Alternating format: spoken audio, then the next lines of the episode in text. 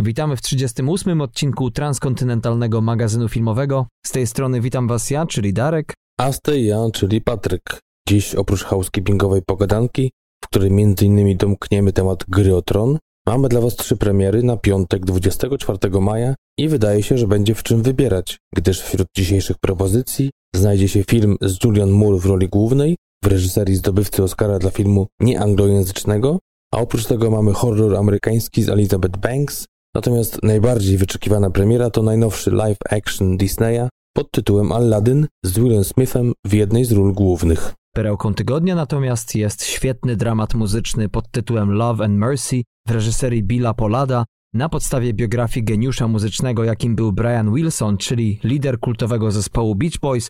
To film wyjątkowy, w Polsce praktycznie nieznany, pomimo już naszpikowany jest gwiazdami Hollywoodu. To tyle tytułem wstępu, kochani. Zapraszamy na odcinek.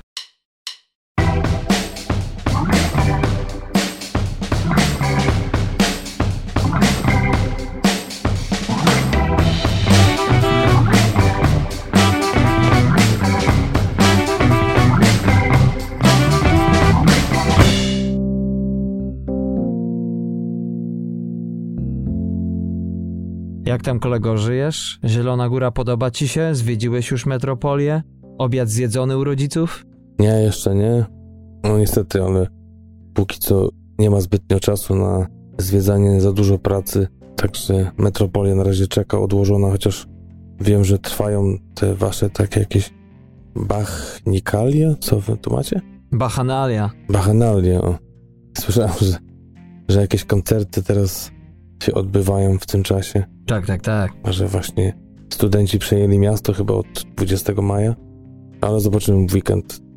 Może jak ten odcinek wychodzi, to może akurat gdzieś się bujamy z żoną.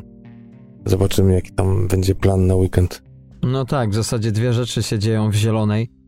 Chociaż wtajemniczeni pewnie twierdzą, że więcej, ale przede wszystkim Bachanalia, a potem y, Winobranie, bo Zielona Góra kiedyś w XI-XII wieku około to chyba wtedy było jeszcze polskie, ale może już niemieckie miasto, bo nie wiem czy ty wiesz, ale Zielona została założona przez króla polskiego, a potem bum, od razu do Prus, czy jakkolwiek się to wtedy nazywało. I tak do wojny, aż e, w zasadzie to było miasto niemieckie, ale kiedyś rzeczywiście ten klimat był zupełnie inny. Winorośla się uprawiało zresztą, nie wiem czy widziałeś palmiarnie, ale to jest jakby taka pozostałość, taki symbol zaszłości mojego miasta rodzinnego. No a teraz chcą do tego wrócić, już podobno winko już nie tylko pędzi się po piwnicach, ale i osoby całkiem poważnie się za to biorą.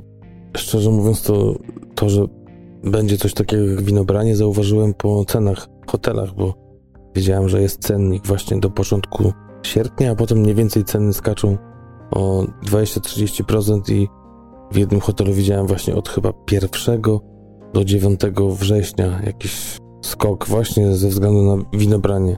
Także nie wiem o co tu chodzi, czy to jest jak w Islandii, jak spędza się na, na, na zimę owce i wszyscy idą w góry, to tutaj tak też wszyscy od burmistrza po pierwszego stadionowego żula wszyscy idą na winobranie, czy? To się równa, tak? E, jedno drugiemu. Jest jakiś to powiedzmy spęd. Ja jako dzieciak uważałem, no wtedy jak już można było pić, jak już osiemnastka była, wiesz, skończona, to można było się wybrać. Znało się wszystkie ścieżki do domu, więc to była chyba najlepsza część bycia nastolatkiem w zielonej. Ale czy ja wiem, to dużo rupieci zawsze można kupić na, na, czy można było na starówce, jeżeli wiesz, interesują cię zabytkowe klamki albo składasz sobie jakiś dom z tyłu, wiesz, w stylu wczesnych potockich, no to sporo tych rupieci można kupić całkiem fajnych, a tak poza tym... Ale co to ma do winobrania? Czy to jest, chodzi o te... Wiesz, generalnie to winobranie polega na tym, że można wyjść na miasto, posłuchać jakiejś tam muzyki, a w dodatku kupić sporo rzeczy i najwięcej rzeczy sprzedawanych, wiesz, najwięcej sprzedawców rozłożonych po całej starówce to jest właśnie jakieś tam świeczniki, klamki i te podobne historie. Aha, czyli generalnie tak samo jak Oktober Festival, który generalnie z Oktoberem, czyli z październikiem nie ma nic wspólnego, to tak samo winobranie nie ma nic wspólnego z winem, tak? Nie, no przepraszam bardzo, tak, ale to tam Wiesz, nie to, że każe chuchać, nie? Ale... No tak to przedstawiłeś.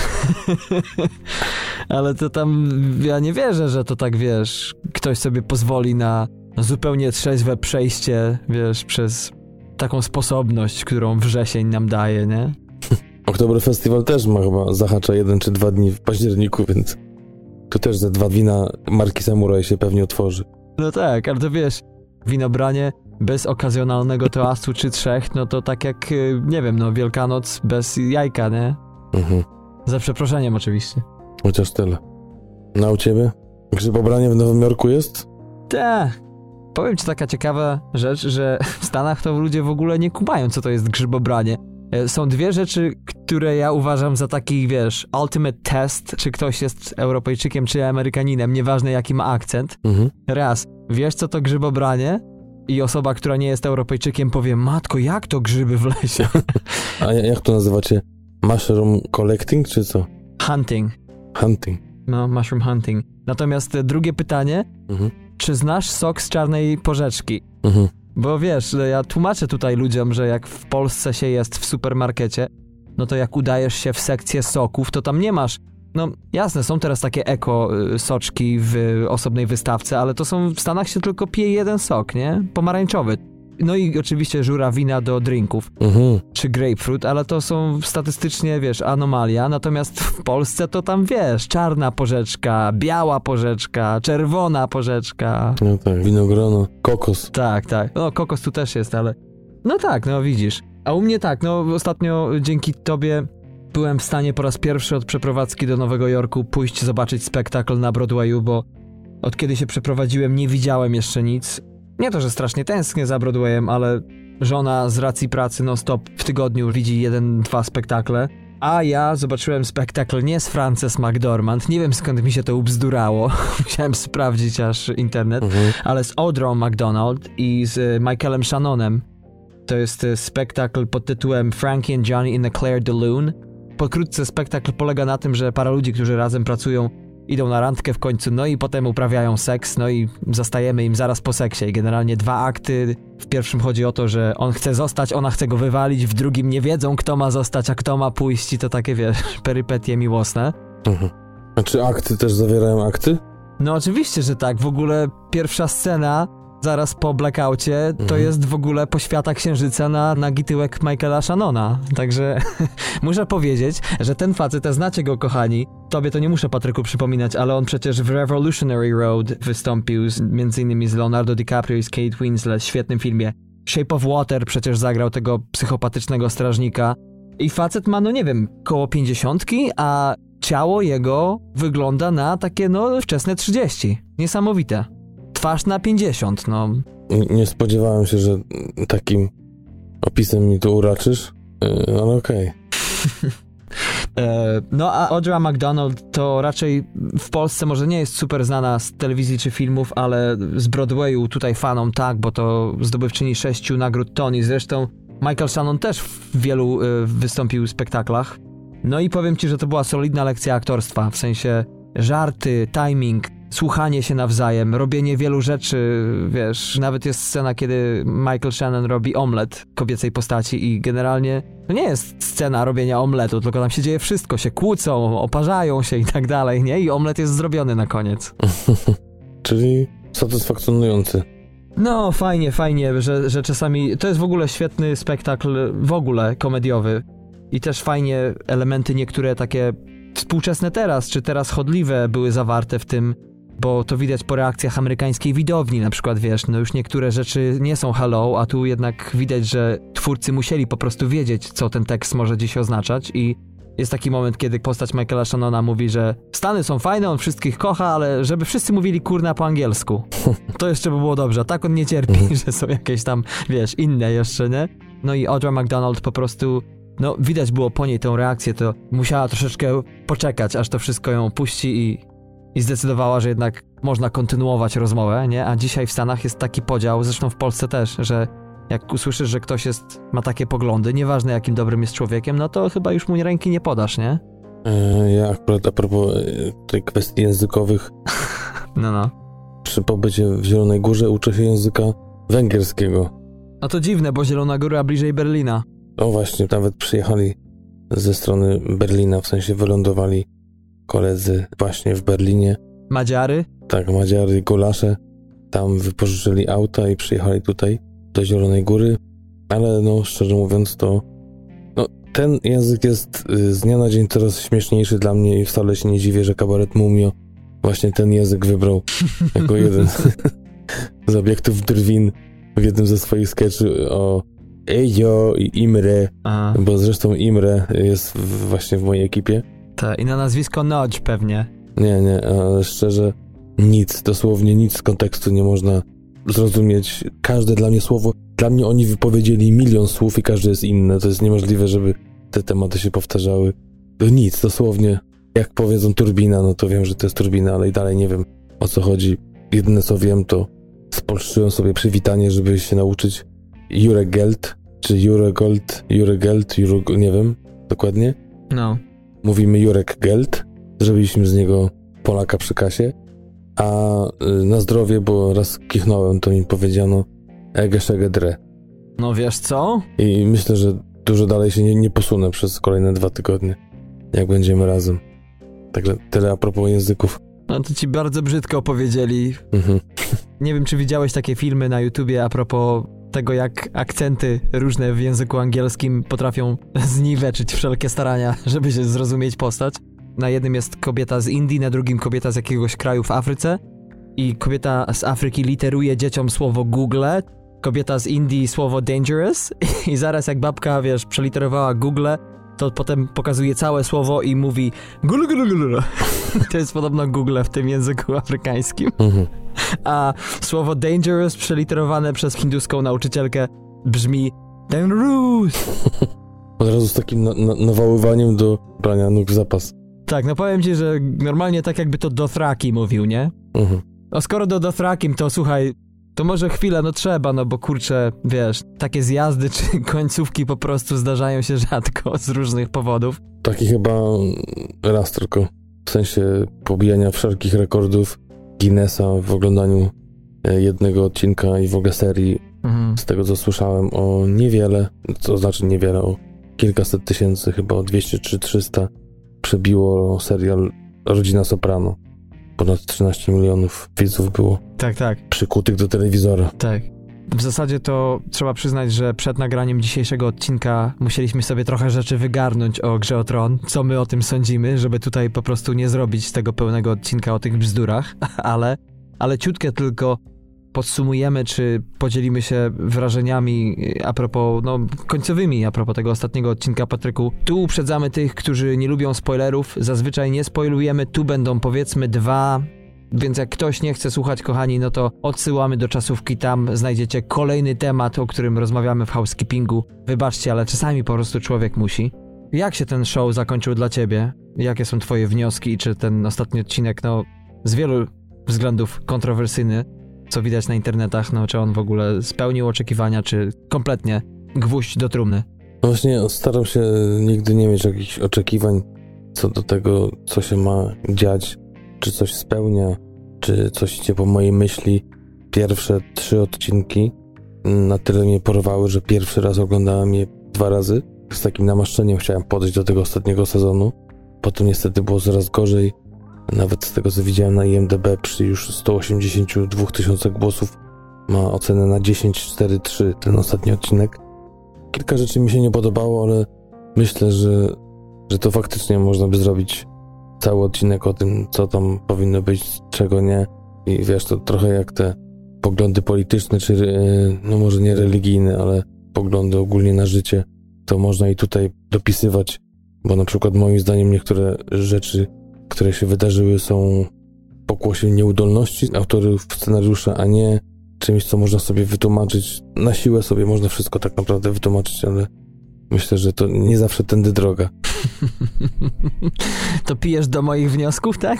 Piję, piję, bo zaraz wrzesień i winobranie, więc No tak, Zielona Góra zobowiązuje do picia. tak jest. No, no tak, trochę tak, bo tak jak mówisz, troszeczkę spuściliśmy z balonika przed odcinkiem, żeby faktycznie raz się nie kłócić, a dwa, żeby nie zeszło z dwie godziny na, na samo to, ale no jakoś tam się zakończyło.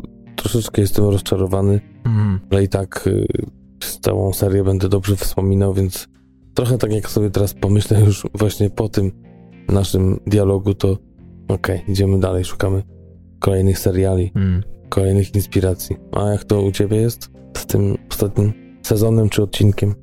No ja y, może nie będę strasznie się rozwlekał tutaj a propos scenariusza i rozwiązań, ale powiem tylko, y, co mega mi się nie podobało w tym odcinku. Nie to, że pędzili za akcją, chociaż też mi nie urzekło mnie to, że jednak wszystko po łebkach, ale to, jak groteskowy ten odcinek był dla mnie jako no, kogoś, kto zwraca uwagę na podanie pewnych rzeczy, o co mi chodzi. Porównam jedną scenę z Gry o Tron z ostatniego odcinka z jedną sceną z Barego z ostatniego odcinka, który to odcinek z żoną widzieliśmy tuż przed ostatnim z gry.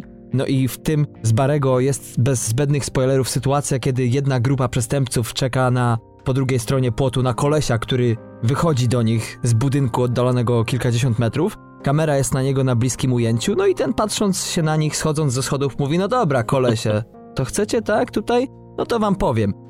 I nagle jest ujęcie z punktu widzenia tej grupy i ten koleś po prostu idzie w ciszy, w ogóle coś do siebie brzęczy, a ten lider mówi: To on kurna do nas to mówi? I to porównam do tego, jak Daenerys stanęła na schodach, które szły w dół i tam na dole stały te plemiona wszystkie wojowników i ona akustycznie w ogóle dała radę, nie? Co jest bzdurą. Raz, że wiem, że już zaraz zacznie, wiesz, swoje przemówienie, więc już jako fan czekam po prostu jak na ścięcie. A dwa, no, no halo, no żeby akustyka była, to nie trzeba być, wiesz, jakimś specjalistą. Muszą być ściany przede wszystkim, a nie, że staniesz wyżej i cię słychać, bo tak to z Monteverestu to w ogóle by się darli, nie? No tak. Ja, jeżeli miałbym się do czegoś konkretnego przyczepić, to też myślę ta akcja po łebkach i jak najszybciej do przodu, żeby zakończyć. Dwa, rola Sansy ostateczna i też to żałosne zachowanie Johna Snowa, który wcześniej w ogóle nie zwracał uwagi na psa, ale nie wiem, czy nie dokończyli tej sceny na, po prostu, nie wiem, tydzień temu, jak już były te głosy, że te psy to są po prostu traktowane tak, że, że wszystkie schroniska łapią się za głowy, że w końcu go pogłaskał, ale to też takie było na odwalsie troszkę, więc no, nie uratowało to całej relacji, ale coś tam złagodziło. No tak. Ty, ale w ogóle ja powiem jedno a propos zwierząt już, tak? Co to za smok, który generalnie odstawia jakieś tam widzi jemu się? Jeżeli Daenerys coś powie, to ten, wiesz, tak jakby mówił, no właśnie, drąc się tym swoim rykiem, nie? No, tak jakby, wiesz, jakby te smoki były nadprzyrodzone, poza tym, że mają nadprzyrodzone tak. zdolności, powiedzmy, no to reagują jak ludzie, w sensie stroją miny, one są zbyt, jak to mówi się, busy na tym drugim planie, gdzie ona coś powie, a ten właśnie, wiesz, jak raper w ogóle z jakiegoś taniego filmu, nie? Czy z teledysku. No, nie kumam tego, jak można, no, Mhm. jak można tak tanio robić takie głupie chwyty. Te smoki po prostu, jedyne co w nich jest fajne, e, no nie mądrze są robione. Jedynie to, to jest fajne w nich to wtedy, kiedy latają czy zieją ogień. To robi wrażenie, w sensie ten rozmach cały, nie?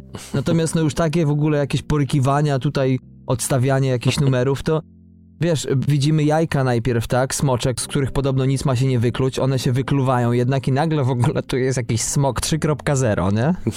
Z udoskonalonymi zdolnościami kognitywnymi.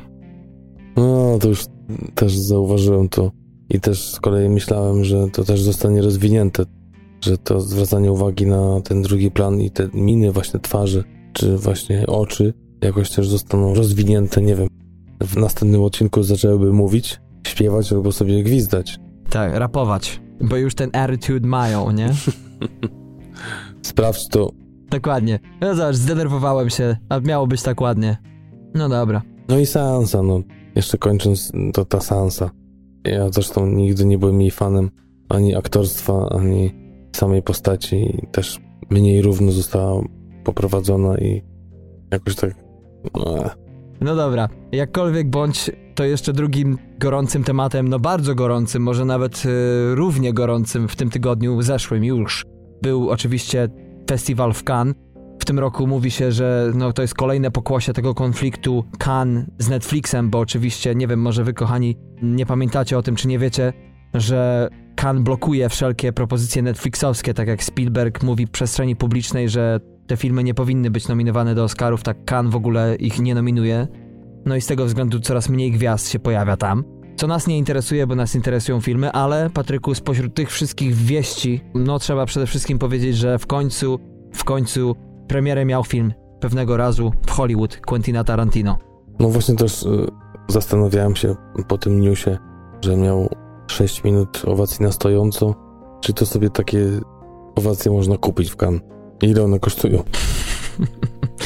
Pamiętasz, jak z Klerem było? Według niektórych źródeł to 11. To co to my? Mamy duże łapy, nie? Tak, tak. I chyba dlatego właśnie nie było, no, między innymi tej nagrody za najdłuższe oklaski dla Kleru, żeby może nie wykazywać tej liczby. Tak, tak. E, a tutaj, no wiesz, są takie kręgi, ich jest coraz więcej, które mówią, że Cannes jest najważniejszym festiwalem w ogóle na świecie.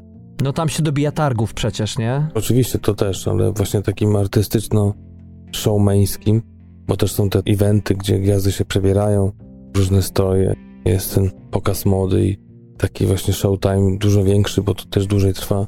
Mówię teraz oczywiście, porównuję do tych najbardziej efektownych nagród, którymi są Oscary oczywiście, a jest to jednak jedna noc, ale mówi się, że Cannes jest tym najważniejszym na świecie i tam oczywiście wszyscy zjeżdżają, chociaż tak jak powiedziałeś przed odcinkiem, ponoć w tym roku tych gwiazd jest dużo mniej niż w latach poprzednich, tak? Tak jest. A wracając do filmu Tarantino, no to zaczęło się całkiem nieźle, jak mówisz, sześciominutowe owacje na stojąco. Tak teraz sprawdzam na bieżąco notowania filmu na Rotten Tomatoes, bo wtedy było to, o ile dobrze pamiętam, 94%. Patrzę też jest 90 nadal 4%, 53 recenzje się ukazały i tylko trzy zgniłe pomidory.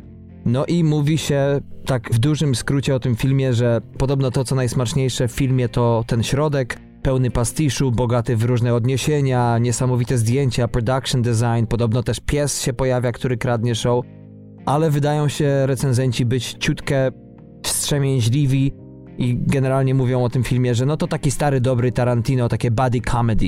Ja z kolei czytałem, że jeżeli to nie jest jego najlepszy film, to jest powrót do tych najlepszych w jego karierze. Tak, tak. I też teraz patrzę na IMDb już dość sporo, po 2,5 tysiąca głosów i 9,8. No oczywiście to na pewno się nie utrzyma, ale na razie robi wrażenie. Tak jest. Powiedzieć, że wychwalają ten film w niebogłosy, to jak nic nie powiedzieć, ale no tak ogólnie właśnie jest to, że niektórzy właśnie twierdzą, że jest nierówny, ale że z drugiej strony może ta wstrzemięźliwość to nie jest wstrzemięźliwość, ale po prostu fakt, że Quentina Tarantino nie da się zaszufladkować, bo to jest bardzo osobliwe kino i po prostu nie chodzi w nim o to, że miało być równe, nie? Tym bardziej, że całkiem możliwe, że ta nierówność jest zamierzona. Tak. Z takim mistrzem iść na takie potyczki, że to było złe, to słabe, to chodzenie po cienkim lodzie naprawdę. Tak jest, tak jest. No z koniem nie ma się co kopać z drugiej strony, jak to mój tata mówi. Ale odchodząc od koni, czy coś ostatnio, tak króciutko kończąc housekeeping, oglądałeś, co warto polecić naszym słuchaczom? Czy jednak nie było czasu? No oczywiście Gra o Tron była na tapecie, ale oprócz tego też serial Czarnobyl mnie zachwycił i chyba zdecyduję się na ten serial a propos pół odcinka, chociaż jeszcze nie wiem, bo jakiś mały mini faworyt też na widnokręgu istnieje, ale chyba jednak zostanę przy Czarnobylu, tym bardziej, że do pół odcinka mojego, który pewnie wyjdzie za tydzień, wyjdą już no cztery albo pięć odcinków, więc chyba cała seria, bo to ma być chyba pięć z tego co kojarzę. To fakt, y, Czernobyl to coś, co uważam, że powinieneś zrobić, o może tak powiem, tutaj jednogłośnie, bo jak nie ty, to ja, więc y, ty poszedłeś mi na rękę, bo ja planuję niedługo zrobić bonus. Może nie zdradzę o czym, ale póki co jest naprawdę mocno wyjątkowy dla mnie serial, więc możemy się podzielić i to rzeczami, które, no, fakty są takie, że warto o nich opowiedzieć. Tym bardziej, że Czernobyl jest czymś moim zdaniem wyjątkowym.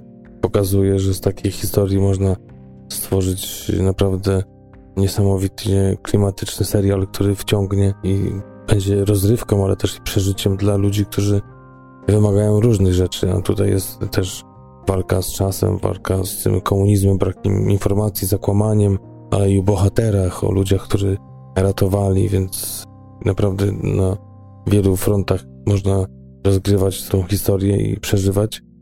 Chociaż wydawałoby się, że coś tam wybuchło i coś się zmieniło i tyle, a to wcale tak nie jest. Dużo jest tajemnic skrywanych i tak jak słyszałem od tutaj właścicielki przybytku, w którym się znajduję.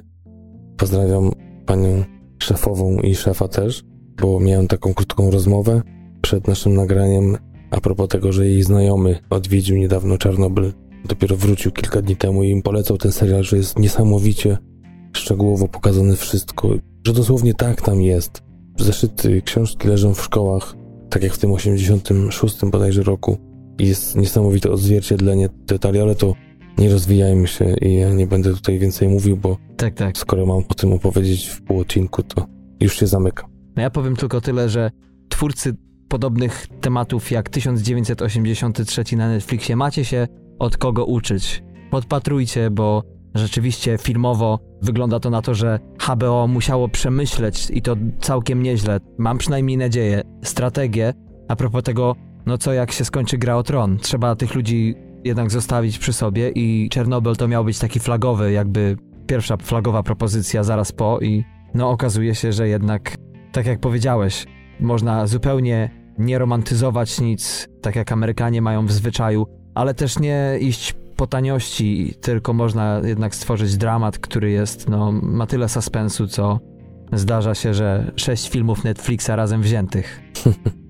No tak, ale wiesz, z drugiej strony to jest lekko inna publika i takie chyba szersze spektrum ma to zainteresowanie grą o Tron, która według Amerykanów była serialem historycznym, więc i historycy to pewnie szukają coś dla siebie i ci, wiesz, wyznawcy fantazy, więc no, ci też pewnie czekają na swoje kąski i taki Czarnobyl może dla nich być niewystarczający po prostu, albo za ciężkim tematem.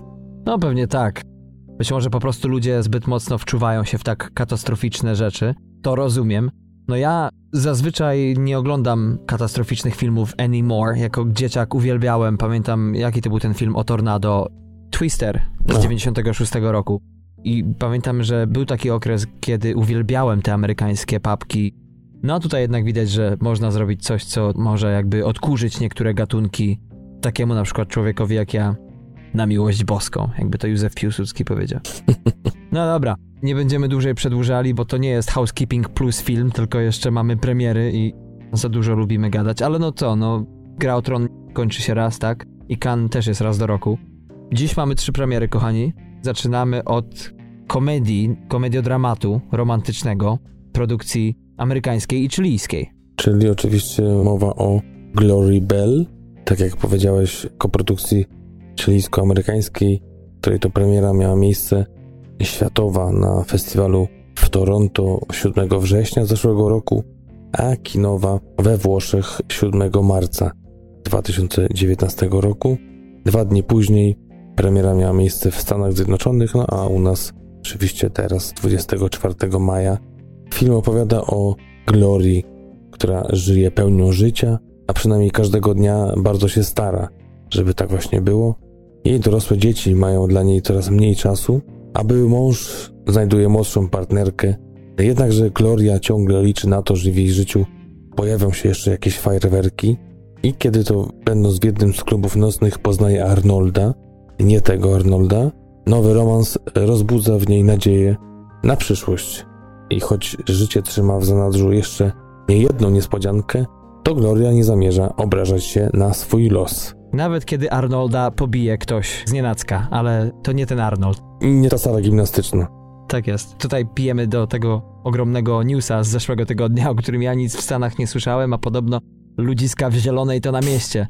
O tym wszemi wobec. Baba w kiosku mówiła, dając zapałki do znicza. Tak, no widzisz. Zawsze można się coś dowiedzieć, wiesz, z drugiego obiegu. Jeśli chodzi o dzisiejszy scenariusz, no to jest on remake'iem amerykańskim filmu Gloria z 2013 roku w reżyserii dzisiejszego reżysera Sebastiana Lelio i autorem oryginalnego scenariusza był jego stały współpracownik do jakiegoś czasu Gonzalo Maza. Tutaj Lelio partneruje w przełożeniu tego mm, scenariusza na realia amerykańskie Alice Johnson Bower, dla której jest to debiut scenopisarski. Głównie realizuje się ta pani jako aktorka, jako stand-uperka także.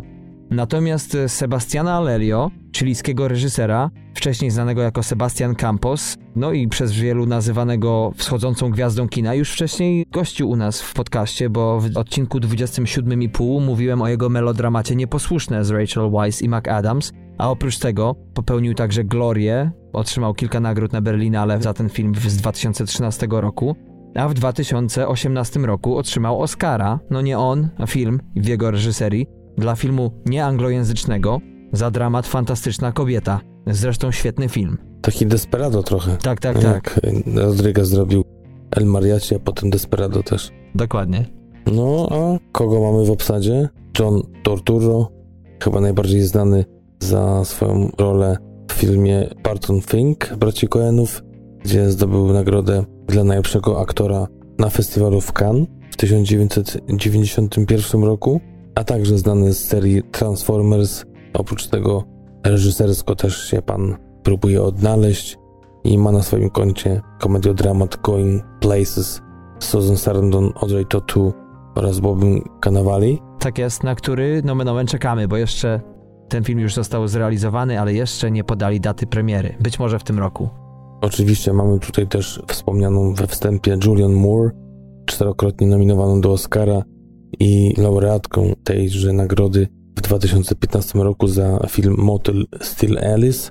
Oprócz tego widzianą w filmie Kingsman Złoty Krąg 2017 roku, czy też w dwóch częściach Igrzysk Śmierci z 2014 oraz 2015 roku. A z tych takich mniej ważnych ról mamy Shona Estina, czyli oczywiście Sam Wise'a Gamgee z Władcy Pierścienia, czy też z kultowej komedii Goonies z 1985 roku, a ostatnio grał w serialu Stranger Things drugi sezon, gdzie wcierał się w rolę chłopaka Winony Ryder, a obok niego jeszcze Michael Cera, tutaj gwiazda oczywiście serialu Bogaci Bankruci, czy też komedii Juno oraz chyba przede wszystkim Scott Pilgrim kontra świat reżysera Baby Drivera oczywiście, czyli Edgara Wrighta, a ostatnio prześwietna rola w dramacie Arona Sarkina grał wszystko z Jessica Chastain, czyli z ulubienicą Darka.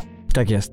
Jeśli chodzi o oceny i recenzje, to ten film, który zarobił prawie 10 milionów już teraz na całym świecie, kształtuje się na poziomie 6-7 na IMDb przy 2000 głosów około. Na Rotten Tomatoes jest y, fatalnie, jeśli chodzi o widzów, co ciekawe, tylko 40% z nich ocenia ten film pozytywnie przy ocenie 2,6 na 5.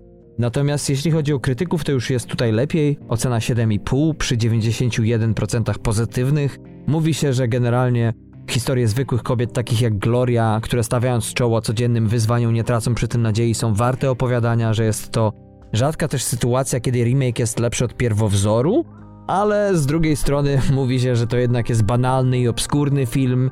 Podobno film jest tak dopasowany do zalet samej Mur, że nie zostawia właściwie żadnego miejsca na nic, co mogłoby nas widzów zaskoczyć.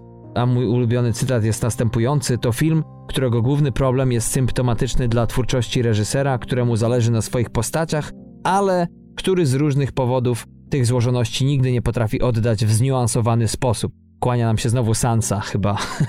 Czas trwania 102 minuty. A mi się to kojarzy też z, z wędrującą ziemią, która właśnie ponoć miała milion słów, a no scenariusz też tak przynajmniej to, co oglądaliśmy, nie odzwierciedlał tego backgroundu postaci. Można powiedzieć, że nie były rozwinięte. Ale to tak samo jak z drugiej strony serial Ślepnąc od światła, gdzie główny bohater w wywiadach tłumaczył, no jak charyzma. No była charyzma, tylko głęboko w oczach moich. tak głęboko, panie, że trzeba było tydzień kopać, nie? No więc cóż, także jeżeli komuś nie w humor feel good produkcji amerykańskiej przerobiony z chilijskiej, tak bywa, że te francuskie komedie, czy właśnie chilijskie, widać nie trafiają na podatny grunt. Na Rotten Tomatoes głównie udzielają się widzowie amerykańscy, więc być może w Stanach to jest słabo oceniany film przez nich. No ale jeżeli nie chcecie się wybrać na ten, no to może zainteresuje was horror science fiction produkcji amerykańskiej. Brightburn, Syn Ciemności. Jak może pamiętacie, to jest taki dość ciekawy i zjawiskowy trailer, który wrzuciliśmy kilka miesięcy temu który przedstawiał właśnie superbohatera od innej mańki, że tak powiem, czyli złego superbohatera. Film produkcji amerykańskiej, który to premierę swoją miał w Libanie, na Węgrzech oraz w Singapurze 9 maja bieżącego roku, a w Stanach Zjednoczonych i w Polsce premiera ma miejsce tego samego dnia, czyli właśnie 24 maja. Tak jest. Krótko o co chodzi w akcji. Akcja zadaje nam pytanie, Przede wszystkim, co jeśli dziecko z innego świata wyląduje na Ziemi, ale zamiast stać się bohaterem ludzkości, okaże się, że jest czymś o wiele bardziej złowieszczym. A za sterami tej produkcji mamy tutaj pana Jamesa Gana, który wypuścił swojego brata oraz kuzyna za stery scenariusza. I tak mamy właśnie Briana Gana, który jest y, wspomnianym bratem Jamesa Gana.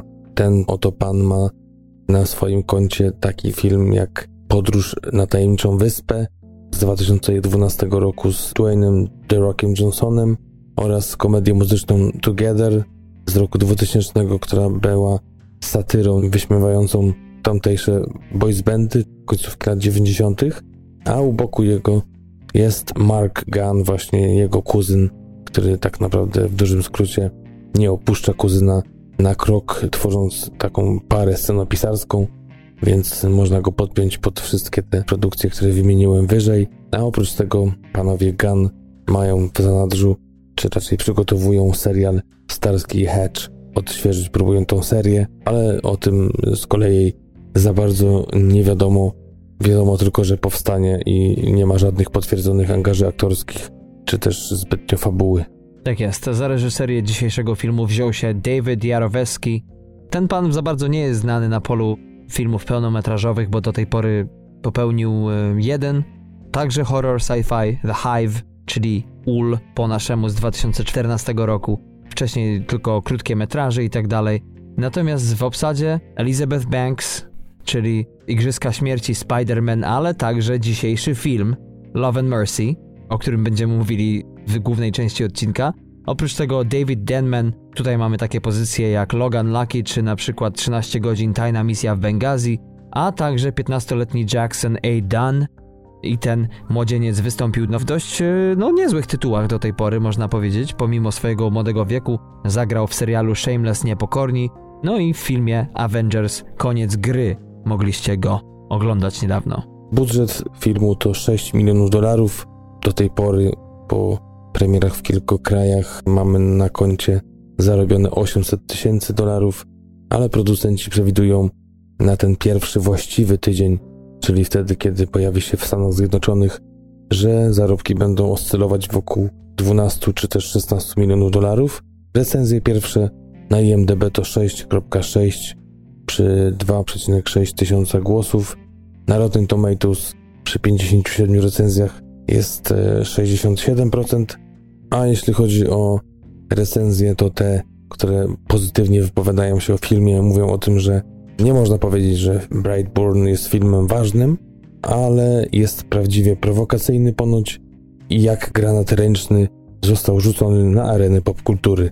Mówi się także, że to, co sprawia, że Brightburn wyrasta ponad przeciętność, to właśnie obserwacja rodziców, czyli Brandona i Tori, właśnie Kyla. Są to kochający rodzice, którzy są coraz bardziej zaniepokojeni, którzy no, prowadzą, można powiedzieć, niesamowitą grę min, no i stają na rzęsach, żeby dobrze spełnić swoje role rodzicielskie. To w zasadzie tyle, jeśli chodzi o jakieś takie fajniejsze plusy, bo jednak jest też e, kilka minusów, niestety. Tak, mówi się o tym, że film jest pełen epizodycznych wstrząsów i pomieszanych stylów wizualnych, wyróżniających się jedynie tym, że ma lepszy budżet niż taki przeciętny horror typu Demony na poddaszu oraz chyba najlepsze podsumowanie, czy bardziej najśmieszniejsze, że właśnie opowiada film o tym, co stanie się z takim małym, można powiedzieć, baby Supermanem, który stanie się wcielonym złem, że świetny punkt wyjściowy zostaje tak naprawdę zmarnowany w idiotycznym połączeniu filmu o superbohaterze i horrorze, a tak naprawdę jedyną naprawdę przerażającą rzeczą jest to, że prawdopodobnie doczekamy się sequela. No i to wszystko zawarte w 91 minutach, 91 minut groźby powstania sequela. No, nie wiem. Ja jestem sam zaciekawiony właśnie punktem wyjścia i jednak e, może się skuszę na niego, bo no ja lubię odtrutkę na jakieś popularne kino zawsze. Czasami niestety ta odtrutka może się okazać trutką, ale cóż, z braku laku, wiesz, i na bezrybiu i rak ryba. Ale bez rybia nie ma, bo też mamy film Aladdin, czyli live action Disneya, który zagarnia prawie całe rynki w tej chwili i pożera je coraz bardziej i bardziej. I niedługo wszystko będzie Disneya, ale póki co no mówiłem dzisiaj o tym jednym filmie, musicalu przygodowym, Oczywiście produkcji amerykańskiej, którego to premiera uroczysta miała miejsce 8 maja we Francji, a w kinach w zachodniej Europie, Skandynawii oraz Azji Wschodniej odbyła się kilka dni temu, a dokładnie 22 maja. Film to oczywiście słynna historia łobuza o tytułowym imieniu, w którego ręce pewnego dnia trafia magiczna lampa. która podobno aż prosi, by ją potrzeć. E, natomiast za scenariusz dzisiejszego filmu odpowiada nie byle kto, przede wszystkim stały współpracownik Tima Bartona, z którym zrobił takie filmy jak choćby Duża Ryba, świetny dramat fantazy sprzed prawie 15 lat, e, też Charlie i Fabryka Czekolady z Johnem Deppem i Heleną Bonham Carter, czy animację Gnijąca Panna Młoda i Frankenweenie, ale napisał też scenariusz do Aniołki Charliego Zawrotna Szybkość, także sprzed 15 lat, czyli z roku Dużej Ryby. No i za tę dużą rybę został nominowany do BAFTY, a za Aniołki Charliego do Złotej Maliny w tym samym roku. No tak samo miała chyba, z tego co pamiętam, Sandra Bullock w jednym roku. Też miała Oscara i, i Malinę. Tak, tak. A przynajmniej nominację do niej. Może powinni razem zrobić film. Ale który? Ten zły czy ten dobry?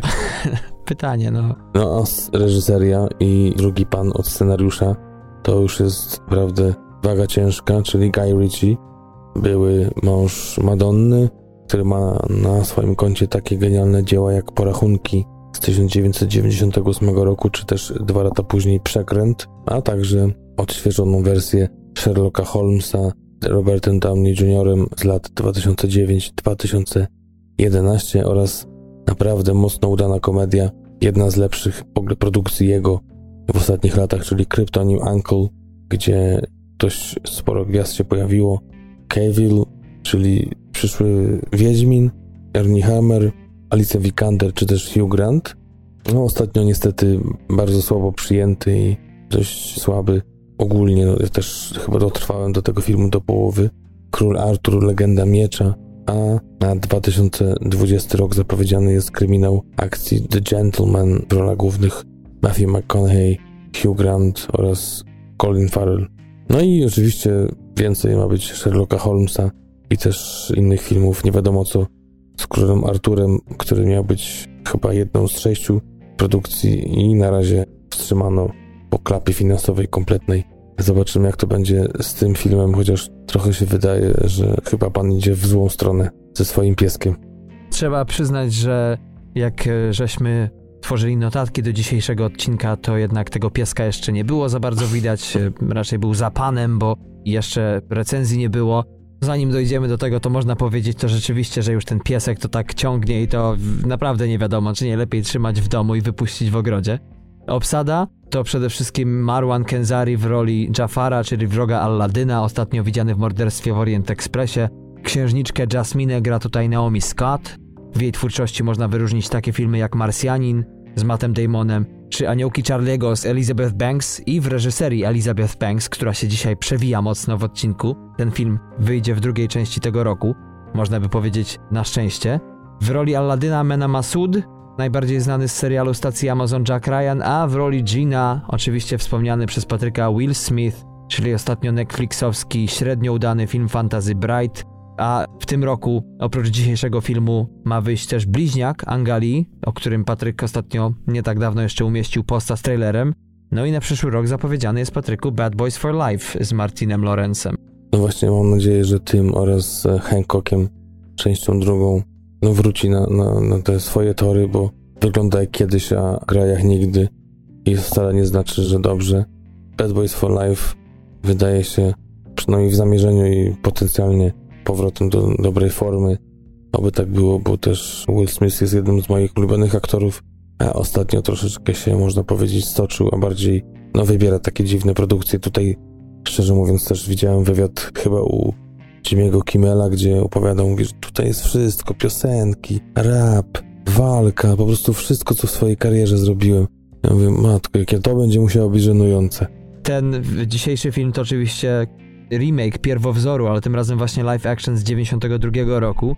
W ogóle ciekawe było to, jak się starali różni aktorzy o udział w tym podobno no takim niesamowitym filmie, bo najpierw Patrykowi Stewartowi nie zależało na roli Gina, Potem, gdy ją odrzucił, to nie mógł sobie podarować i próbował się przypomnieć tam innym, ale ci już zaangażowali Smitha. Z kolei Will Smith odrzucił rolę w Dumbo, niedawnym live action, a oryginalnym wyborem studia do tej roli był sam Jim Carrey. Wtedy mocno uwikłany w skandal, proces sądowy i ostatecznie tam sprawa ucichła. Generalnie jest taki cień tej roli Will Smitha, który no, ma dość y, poważną historię i ciężkiego kalibru. Była rola w sensie jakości, czyli Właśnie o tym mówił Will Smith w wywiadzie, który wspominałem wcześniej. Robin Williams wcielił się w tą rolę i mówi, że to też tak się zastanawiał, czy to jest dobry wybór, żeby taki, w takim filmie zagrać, wejść w jego buty, czy sobie poradzi. No, Kimmel powiedział, że tak świetny był ten film, że chyba jeszcze raz pójdzie i nawet w kinie zapłaci za niego. Czyli teraz się okazuje, że oni przed tymi programami sobie za darmochę pewnie na DVD oglądają. No tak. No nie wiadomo, co popalają tylko. Widocznie tak jest świetny film, że zupełnie nie pokrywa się z recenzjami, które już możemy teraz przeczytać. Ważne jest też powiedzenie, że ten film ma praktycznie wszystko, bo ma zdjęcia, tak? Ma Alana Stewarta, czyli faceta, który wcześniej współpracował już z Richem przy Królu Arturze, czy ze Spielbergiem przy Player One. Mamy też Alana Menkena. Może nie wszyscy znają jego nazwisko, ale Piękną i Bestię oryginalnego Alladyna Pocahontas, Dzwonnika z Notre Dame znają. No a przy budżecie 160-milionowym, to jest tylko szacunek, na pewno pobije wszelkie rekordy, ale no, czy jest to on takim jakościowym fenomenem, to nie wiem. No nie, nie wiem, czy to jest takie pewne, bo dla mnie to właśnie wygląda na kolejną klapę. Też budżet porównywalny do Króla Artura, też Guy Ritchie i co z tego? Też był gwiazdy. Wcale nie skazuje tutaj na, żadne pożarcie portfeli. Mhm. Ja ci powiem, że ten film skazuje na powodzenie przez to, że Stany pójdą, a tutaj przecież połowa Amerykanów y, młodszych ode mnie i w moim wieku jest rozkochanych we wszystkim Disneya, także wydaje mi się, że armia już jest i czeka. No ale tak, nie było głosów żadnych, nie było ocen, a już jest 6-7 na IMDb. Tu drgnęło, bo teraz jest prawie 5000 głosów, przy niecałym półtora było 5-9, ale na Rotten Tomatoes przy, o ile dobrze pamiętam, a sprawdzę szybko, 170 recenzjach, to jest 59% pozytywnych przy ocenie 5,8, ale widzowie kochają. 128 minut do kochania. Czego chcieć więcej? tak jest, a ja tutaj przytoczę wam, kochani, i tobie, Patryku, tylko jedną recenzję tak na szybko, a w zasadzie podsumowanie jej. Mówi się, że tego filmu po prostu nic nie jest w stanie uratować, bo w momencie, kiedy tylko Genie się obudzi, no to poszły konie. I podobno nie będzie po prostu siły takiej, która zmusi go, by wrócił do lampy. Czyli sequele, tak? Tak jest. Prequele i... No, musowo. Ech, powiem ci szczerze, że po tym poprzednim tygodniu, gdzie nagrałem swój bonus i też tam mówiłem, że nie było na co do kina iść, to mhm. myślę, że niestety, niestety, ale trzeba szukać tych perełek i zadowalać się starymi filmami, bo ten tydzień dla mnie też jest dość słabiutki. Mhm. No tak, a trzeba przyznać mocno uderzyć pięścią w stół, że jest w czym szukać, bo oto dzięki tobie, Patryku, dzięki twojemu nosowi mamy taką perełkę, która zdarza się raz na jakiś czas. Ostatnio był to ten melodramat muzyczny Broken Circle Breakdown, który już jakiś czas temu robiliśmy, a dzisiaj mamy kolejny film muzyczny, tym razem biografię amerykańską Love and Mercy, który to film Pamiętam, że ty o nim już od jakiegoś czasu wspominałeś i na antenie i mi mówiłeś, że cię zupełnie porwał. Ja go dość niedawno wrzuciłem na ruszt przed przygotowaniem się do odcinka i no... Jak to jest, że takie filmy kompletnie są pomijane? Poczekaj, to czy ty mnie okłamałeś? Kiedy pierwszy raz wrzuciłem go, jak to mówisz, na ruszt, to powiedziałeś, że go widziałeś kiedyś? Tak, tutaj chciałem się wytłumaczyć. To nie był ten film, powiem ci szczerze, że nie wiem dlaczego mi się to ubzdurało, że ja widziałem jakiś inny film mhm. i to był film też o Beach Boysach, tak mi się wydaje, ale o perkusiście i w tym filmie on bardziej odłączył się od zespołu i tworzył jakieś tam malowidła. Nie wiem, czy to do końca był Beach Boys, ale nie mogłem znaleźć tytułu. Googlowałem, googlowałem i okazało się, że no jednak wymyśliłem sobie, że ten dzisiejszy film znałem. Ku mojemu, tak czy siak, wielkiemu, pozytywnemu zaskoczeniu. Hmm. No tak, 2014 rok czyli dość niedawno, 5 lat temu, film reżysera, który według jednej z recenzji chyba kogoś, który jest mało przychylny, że powrót finansisty do roli reżysera. Tak trochę pejoratywnie to zabrzmiało w tej recenzji, bo faktycznie pan Bill Pollard zrobił w swojej karierze jeden film i to bardzo, bardzo dawno temu, 29 lat temu, Old Explorers właśnie z 1990 roku a właśnie inne dokonania to bardziej jako producent, między innymi zniewolonego 12 Years a Slave, Drzewo Życia z roku 2011, za który był nominowany do Oscara w kategorii najlepszy film oraz Tajemnica Brokeback Mountain z roku 2005. Także to było czym się zajmował przez ostatnie naście lat. Tak jest. No i można powiedzieć, że dzisiejszy film to taka trochę klapa. W sensie takim, że otworzył, w ogóle był ukierunkowany na to, żeby zostać sprzedanym ze względu na temat na, na różnych festiwalach. Co prawda do Cannes nie zawitał, ale w Toronto, tak, tam miał premierę we wrześniu 2014 roku. Zwiedził Berlin, Buenos Aires, Sydney. Nie zaliczył może tych najważniejszych, ale w Stanach nawet nie wszedł, powiem ci, do, z tego co ja się przynajmniej dowiedziałem, do kin w normalnej dystrybucji. Wiem, że był grany na festiwalu w Austin na South by Southwest. Punkt wyjściowy scenariusza całkiem nośny, bo przecież mówimy tutaj o nie byle kim, tak? Mówimy o takim cichym, można powiedzieć, liderze, w sensie facecie, który nie był takim klasycznym frontmanem Beach Boysów, ale był to tak naprawdę motor napędowy, bez którego nie wiadomo, czy Beach Boysi byliby tym, czym byli. Co zresztą jest skomplikowanym tematem.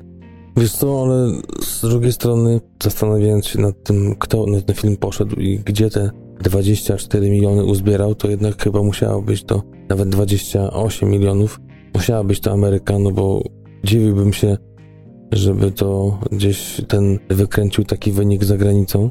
Tym bardziej, że wierzę w to, że są tacy, którzy nie znają Beach Boysów, ale samego Wilsona i po filmie mogą nie kojarzyć. W Polsce pojawił się ten film na American Film Festival, podobno w, nie wiem nawet gdzie, ale w październiku 2015 roku, a widzę, że IMDb ma 19 czerwca 2015, więc jednak czasami ten film web nie jest kompletny. Tak, tak, pojawił się kilkukrotnie w limitowanej w Kanadzie i w USA. No tak czy siak, no dobra. Film jednak wyszedł, chociaż po ilości głosów może na IMDb nie jest tak źle, ale 32 tysiące, czy to jest dużo? Jak na takie gwiazdy? Czy to takie gwiazdy? Beach Boysi to były gwiazdy. No nie wiem, Paul Dano, Elizabeth Banks, Paul Giamatti, John Cusack.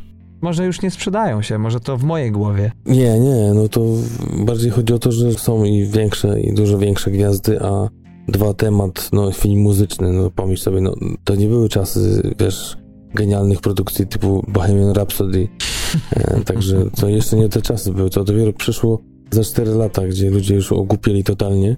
To ja muszę chyba mieć jakiś w ogóle inny punkt widzenia tych Stanów, bo mi się zawsze wydaje, że to, co jest muzyczne, to idzie, wiesz, jak ciepłe bułeczki. Ważne, że jest coś pod nóżkę, nie? Nie, nie. Biografia muzyczna, no myślę, że, że to spokojnie jest niezły wynik. Oczywiście można porównywać fanów Beach Boysów do fanów Queen, których jest więcej. Myślę, że ta ilość jest, byłaby nawet porównywalna, przynajmniej na tamte czasy i jeśli jeszcze jacyś żyją, to pewnie też na taki film się by wybrali i może ten wynik mógł być lepszy, ale tak jak mówisz, te oceny całkiem niezłe, bo 90% na Rotten Tomatoes krytyków, 85 widowni, 7,4 na IMDb, to też jak na biografię nie jest źle. Roger Ebert dał 3,5 na 4, jedynie film web, no i właśnie tutaj pijemy do tego jakby to jest nasze, nasz punkt odniesienia, czyli ilość głosów na Filmwebie i ocena 6-7 i też poniżej progu takiego, ponad który filmów nie wybieramy, czyli 30 tysięcy głosów, no tak plus minus wiadomo. Czasami to się zmienia w zależności od tego, jakie są roczniki danego filmu, ale tak to było w tym wypadku. Więc te oceny dobre, ale jednak i nagród mało i właśnie przede wszystkim w Polsce film mało znany, a nie jest to na pewno standardowa biografia i też standardowy film muzyczny, tym bardziej, że dzieje się w dwóch y, strefach czasowych, czy jak to można powiedzieć, dwóch timeline'ach. Dwóch timeline'ach, tak dobrze, niech będzie po amerykańsku. No i powiem szczerze, przygotowując się do odcinka, oglądając same wywiady się wzruszyłem, a co dopiero na filmie i gdzieś tam podążając za losami Briana Wilsona, który jest ponoć jednym najwybitniejszych twórców muzyki popularnej w ogóle wszechczasów. No, tu w dzisiejszym filmie oczywiście nasz główny bohater pochłonięty jest tworzeniem swojego opus magnum, czyli dzieła życia pod tytułem Pet Sounds i w latach 60. i na tym timeline'ie lat 60. tę rolę gra wspomniany Paul Dano, natomiast w latach 80., czyli dzisiaj w cudzysłowie, gra go John Cusack. No i tutaj widać też, jak właśnie postać starszego Wilsona, to jest już facet sponiewierany przez lata choroby psychicznej, jest uzależniony od kontrowersyjnego terapeuty, w rolę którego wciela się właśnie Paul Giamatti. No i poznaje ten artysta, czyli Brian Wilson, sympatyczną sprzedawczynię samochodów, Melinda Ledbetter, w tej roli Elizabeth Banks, i tutaj rodzą się problemy różne. No i jedno pytanie cały czas tak naprawdę siedziało mi w głowie, im dalej w las, bo te sceny z lat 60. i 80. się przeplatają. Co musiało się stać, że ten genialny, no niepozbawiony problemów młodzieniec wylądował tam, gdzie wylądował? I na to pytanie przychodzą odpowiedzi z wywiadów z twórcą, który właśnie tak mnie wzruszył ten wywiad, że narkotyki, środki psychodeliczne i, i jest taki wzruszający wywiad z bardzo ciepłą dziennikarką, to chyba 2016 rok, która no szczerze zadaje mu pytania, on jeszcze większą szczerością odpowiada na nie. A propos tego właśnie, co się stało, jak to się wszystko potoczyło i czy by cofnął i czy żałuje.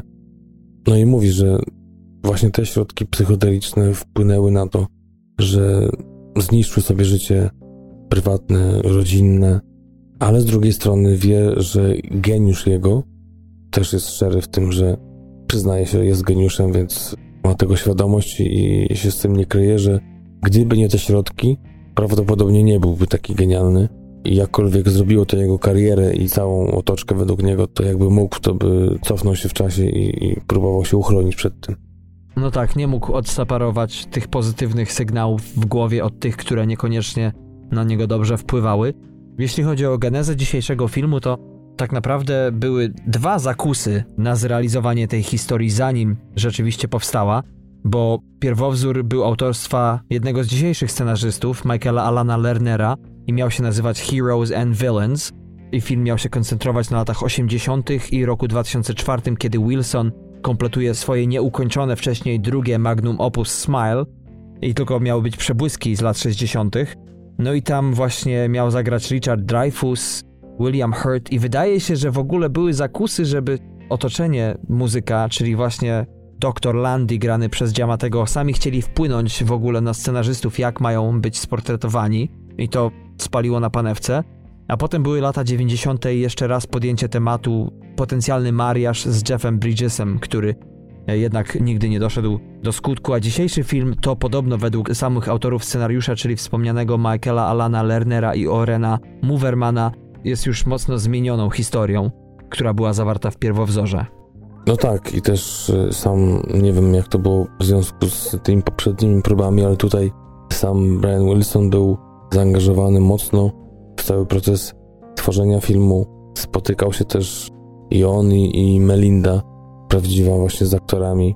Zresztą właśnie Elizabeth Banks przy okazji jednego z wywiadów mówiła, że uwielbia grać prawdziwe postacie, prawdziwe żyjące, gdyż to zupełnie jest inny sposób grania, inny odbioru i w ogóle przygotowywania się. Tym bardziej, jak masz właśnie możliwość styczności z tą osobą. Z kolei Paul Dano mówił o tym, że oczywiście bardzo chciał poznać Briana Wilsona, ale z kolei sobie go dawkował, jeżeli tak można powiedzieć, i zaczął się z nim spotykać dopiero po jakimś czasie od przygotowywań. Nie chciał sobie narzucić gdzieś tego, jak on się zachowuje teraz, gdyż no, on gra właśnie w czasach, w latach 60. Wilsona, a John Cusack gra już tego wykończonego w latach 80., więc dwóch aktorów wciela się w jedną tą samą postać. I dlatego właśnie no, taki sposób podejścia do, do przygotowywania do roli, że gdzieś tam sam próbował, odtwarzając stare nagrania z, z prób, koncerty, właśnie w ten sposób się przygotowywać do jak najlepszego odzwierciedlenia tej kultowej postaci, którą właśnie był Brian Wilson. Zresztą to było naprawdę niesamowite wyzwanie przed dwójką aktorów głównych, czyli Polem Dano i Johnem Cusackiem. Paul Dano to nominowany do BAFTY aktor za Poleje się krew braci Coenów, także został nominowany do Złotych Globów za ten dzisiejszy film. Ostatnio widziany był w Ucieczce z Danne Mory, o którym ja wspominałem serialu, że był moim ulubionym z zeszłego roku. Był też komediodramat Człowiek z Scyzoryk z Danielem Radcliffe'em 3 lata temu, a John Cusack to oczywiście lot skazańców, być jak John Malkovich. No i co ciekawe w ogóle, dostał rolę w tym filmie tylko dlatego, że reżyser, mimo krytyki za casting, bo podobno John Cusack według niektórych kompletnie nie nadawał się do tej postaci, reżyser, czyli właśnie Bill Pollard twierdził uparcie, że Cusack idealnie przypominał Wilsona z dokumentu filmu dokumentalnego z 1995 roku Brian Wilson I Just Wasn't Made for These Times i dlatego wybrał tego aktora i chyba tylko trzeba przyklasnąć, prawda? Bo to, co John Cusack, obaj zresztą, ale ten zwłaszcza robi w tym filmie, to jak gra zupełnie odmienionego faceta, nie wiem dlaczego nie był nominowany do Oscara, no pewnie dlatego, że nikt tego filmu nie widział. No tak, dostało się tylko nominację za aktora wspierającego, czyli drugoplanowego dla Paula Dano przy okazji Złotych Globów oraz dla piosenki, y, oczywiście dla samego Wilsona do filmu, a Cusack faktycznie taki jeden, jak i drugi grali takie postaci mocno oderwane od rzeczywistości, ale w zupełnie inny sposób.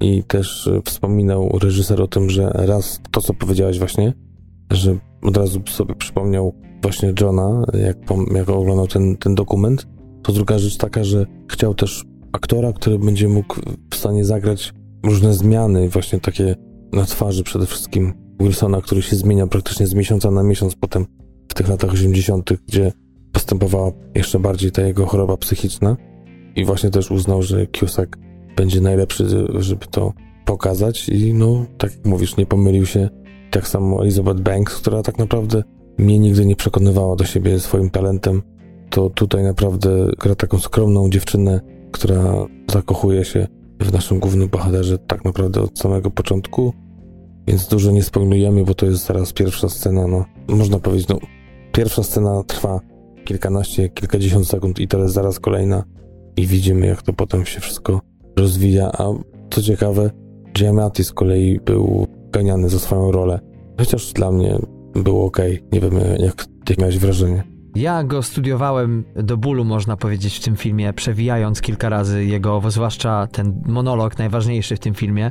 To rzeczywiście muszę przyznać, że może jego postać mnie bardzo denerwuje, ale sam Giamatti gra normalnie w tak zniuansowany sposób, że też zasługiwał moim zdaniem na nominację, chociażby za ten monolog i za tę zmianę, która się w nim dokonuje, ale Powiem ci, że jak tak sobie myślę o tej Elizabeth Banks, to przypomina mi to troszeczkę Margot Robbie w najnowszym filmie Tarantino, bo o niej też się mówi, że praktycznie nic nie mówi w filmie, że tam tylko jest.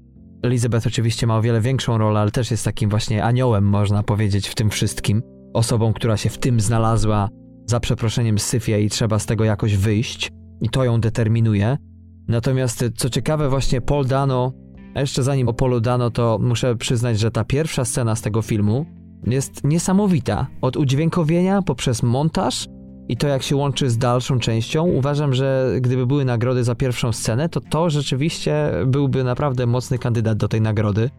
A sam Poldano to jest ciekawe, nie? Bo on ma tutaj za zadanie, w odróżnieniu od Cusaka, który się z tym wszystkim już musi mierzyć, czy ledwo się mierzy z tymi narosłościami całego życia, a Poldano ma tutaj bolesne dzieciństwo, tam oczywiście jak w każdym dobrym zespole, który jeszcze oparty jest na rodzinie, bo tam było chyba trójka braci i kuzyn, prawda? Tak, tak. Tutaj jest afera z ojcem, który został wylany z zespołu przez właśnie Briana Wilsona, czy tak podobno właśnie on twierdzi. I jest to ciekawy materiał dla aktora, bo potem widać u Cusaka te elementy, które zdeterminowały naszego głównego bohatera. Ja właśnie oglądając wywiady z Polem Dano i tak w ogóle niesamowity wywiad, krótki, chyba pięciominutowy, z jakimś, no muszę przejrzeć więcej wywiadów z tym dziennikarzem, takim starszym panem, to potem ci podrzucę. Mm, no, dobra, już wam też, no, dorzucimy do odcinka, ale niesamowicie punktuje całą karierę Dano w kilku zdaniach, gdzie ten jest też w szoku w ogóle tej znajomości jego biografii, tym bardziej, że no, różnica między nimi to spokojnie 20-30 lat jest, a, a tak obeznany jest w tym, gdzie grał Dano właśnie ta wrażliwość Pola i to, jak on się zmienia na przestrzeni tych ostatnich lat, jak inne, a z kolei czasami podobne role gra. I tak przeszli przez film Labirynt z Hugh Jackmanem i Jake'em Gyllenhaalem, czy też e, aż poleje się krew oczywiście, aż po scenę z rodziny Soprano, z młodym Soprano opowiada, porównują sobie właśnie ojca młodego do filmu ojciec chrzestny do tego wracali i też opowiadał Dano o tym, że grał w tym serialu w wieku 17 lat i szczerze mówiąc zastanawiam się, kiedy on się dorobi Oscara, bo powoli zaczyna, jak już mówiliśmy w jednym chyba z newsów na Facebooku, skręcać trochę w stronę reżyserii. Oczywiście teraz był serial Ta ucieczka z Danemory i pewnie dalej się będzie pojawiał, bo przecież chłopak jest młody, 84 rocznik, ale no oby nie zarzucił tego, i, bo faktycznie tą wrażliwość ma twórcy, który faktycznie może będzie mógł więcej dać filmowi jako reżyser, ale oby właśnie jeszcze z tego aktorstwa, mam nadzieję, nie rezygnował, bo pamiętam, że tą niesamowitą rolę właśnie w Aż poleje się krew i w tych innych filmach i naprawdę nawet młodość też e, Hanekego, tam też niby niewielka rola takiego gwiazdora, trochę satyra na gwiazdora amerykańskiego, ale też mała i świetna rola. I tutaj też pokazuje niesamowite zdolności. Nic tylko przeklasnąć. A jeszcze jak słuchasz z nim wywiadu, to on ma taką świadomość tego aktorstwa swojego, dobór słów i w ogóle wiedzę też aktorską i, i taką filmową, że miodzio te wywiady z nim, jeszcze jak dziennikarz jest też na poziomie, to, to, to jest niesamowite. Tak, tak. Co pan myślał przed skokiem, nie? Tutaj tego na szczęście nie ma, że jednak i pytania i odpowiedzi bywają mało tendencyjne.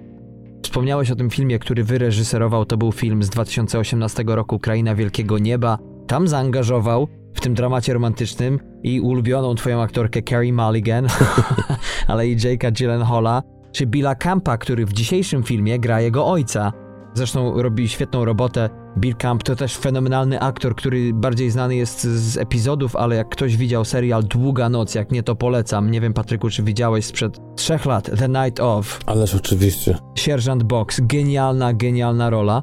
No to widać, że Paul Dano to jest facet na właściwym miejscu i we właściwym czasie. Zresztą Paul Dano niedawno z Ethanem Hawkiem grali na Broadwayu w takim spektaklu pod tytułem True West. Wspomniałeś, że dzisiejszy film to jest film zupełnie inny od podobnych w tym gatunku. Tutaj trzeba wspomnieć udźwiękowienie przede wszystkim, bo to film muzyczny. Jak poszywane są dźwięki ze studia z oryginałem, jak się przeplatają nagrania utworów studyjnych z akustycznymi podrygami, które widzimy w tym filmie. Te niuanse w ogóle, dzięki montażowi też związane z powstawaniem, nagrywaniem samego dzieła, ten wgląd w życie profesjonalnych muzyków, nawet takie smakowite odniesienia, na przykład, wiesz, jest moment, w którym to Beach Boysi rozmawiają o tym, jak to Beatlesi kradną im, wiesz, zaczynają się sugerować i ich twórczością, bo coraz więcej motywów mogą wystukać sobie z Beatlesowskich piosenek, nie? które oni podobno zapoczątkowali. Tak, ale też słuchać tą fascynację e, chłopaków właśnie Beatlesami, uznanie, ale właśnie tak jak mówisz, z drugiej strony e, gdzieś tam podsłuchują, czy czegoś tam im nie kradną. Zresztą właśnie w samym filmie opowiadają o, przede wszystkim Brian o, o albumie najnowszym Beatlesów, który dla niego jest kompletny, a potem właśnie powstaje ten najlepszy w karierze Beach Boysów i, i samego Wilsona album, o którym mówiłeś, który według wielu portali Pet Sounds jest najlepszy w ogóle w historii muzyki popularnej. Sam album, ale również instrumentalia i w ogóle całe podejście do muzyki i ta innowacja, która potem stała się tak naprawdę kanwą, na której powstawały kolejne utwory zespoły, które tak naprawdę słychać do dziś w coraz to nowych kapelach, które się pojawiają. Słychać twórczość, która właśnie została zaporządkowana przez Beach Boysów i samego Briana Wilsona. Tak, oczywiście, oczywiście. Do tego dochodzą rewelacyjne zdjęcia, kolorystyka, to jak jest filtrowane, jak efekty specjalne są w tym filmie dawkowane. Często jest tak, że jakby oglądamy pseudodokumentalny film, zwłaszcza tych e, wydaje się improwizowanych. Zresztą chyba o ile pamiętam, to te sceny były improwizowane w studiu i tam było kręcone wszystko na 16 mm i z ręki. I to dodaje takiemu właśnie poczuciu, że jesteśmy u zalążków czegoś wielkiego. Jedną rzeczą, na którą chciałbym zwrócić uwagę, jest romans w tym filmie, bo jest to jednak jego pokaźna część i no nawet nie chcę porównywać tutaj ostatniego filmu, o którym mówiłem, czyli w reżyserii Bradley'a Coopera z Lady Gagą, czyli Narodziny Gwiazdy, ale tam też mi się wydawało, że jednak tak jak tutaj nie ma pastiszu, cukierkowatości, że jest to w tym dzisiejszym filmie mocno skomplikowana relacja, kiedy się spotykają po raz pierwszy, bo dziewczyna nawet nie przypuszcza i my też nie jako widzowie, z czym będziemy mieli do czynienia. I to chyba właśnie ten balans taki między skrajnymi uczuciami, między uczuciem ciepła na sercu, a często bojaźni o zwłaszcza dziewczynę, o to wszystko, to jednak y, człowiek siedzi na skraju fotela przez większość filmu. Ja zostałem wciągnięty tak naprawdę ten film już na samym początku. Pierwsza scena, dwie można powiedzieć. No, pierwsza taka mini scena, kilkunastosekundowa i druga, można powiedzieć pełnoprawna, już zwiastowały to, że będzie to niebanalna opowieść i biografia i że no, będzie dobrze po prostu. To ważne jest y, to, iż film jest bardzo oryginalny, jeśli chodzi o podejście do głównego bohatera, o opis jego osoby. Nie jest to taka standardowa biografia, gdzie po prostu lecimy od A do Z, od początków do końca kariery zespołu, czy też danego twórcy, tylko mamy tu bardziej taki portret psychologiczny, opisujący to, co działo się wewnątrz głowy takiej genialnej osoby i jeszcze do tego mamy dwutorową czasowo tą opowieść, właśnie ta, która działa się w latach 60. i 80. Tak naprawdę dwóch, można chyba śmiało rzec, najważniejszych momentach w życiu Wilsona. Tak. No, tu dotknąłeś bardzo celnej rzeczy, takiej, że to nawet Kuba Popielecki z Filmwebu w recenzji dzisiejszego filmu napisał, że zwykle jest tak, że zamiast badać to, co jest w danym wykonawcy unikalne, czyli talent, filmowcy z uporem, godnym lepszej sprawy, relacjonują akurat to, co niemal zawsze przebiega podobnie, czyli karierę i trudno się z tym nie zgodzić, że tutaj, no, nie tak jak w filmie, o którym już obiecałem sobie, że nie będę za bardzo wspominał na naszej antenie z zeszłego roku, chyba że ty przypomnisz tę biografię muzyczną zespołu Queen, to wtedy ja się odezwę. Tutaj mamy na szczęście inaczej. Jeśli chodzi o muzykę, bo wspomniałem, że gra ważną rolę, ale nie wiem jakie ty miałeś odczucia. Mi się to wydawało właśnie, że jak nie podkreśla tego nastroju, to towarzyszy mu po prostu, anonsuje niektóre sprawy, zmienia ton, a potem w ogóle ona staje się jakby coraz bardziej takim odzwierciedleniem stanu ducha głównego bohatera, bo często właśnie nie wiadomo, co się dzieje, w sensie co jest prawdą, czy to, co jako widzowie widzimy, rzeczywiście się dzieje, czy może przez chwilę właśnie to, co my widzimy, jest tylko punktem widzenia głównego bohatera, który no, jednak nie jest aproblematyczną osobą w tamtym akurat, czy w jakimkolwiek okresie w tym filmie. Ważne jest też to, jaki wpływ miało na jego życie właśnie zażywanie tych substancji psychodelicznych. Tego za bardzo nie ma w filmie, ale no, wiemy o tym raz biografia, dwa z wywiadów, nawet teraz obecnie, gdzie wspomina właśnie to, że tak naprawdę w dużej mierze właśnie tym substancjom zawdzięcza sukces, uwidocznienie się geniuszu.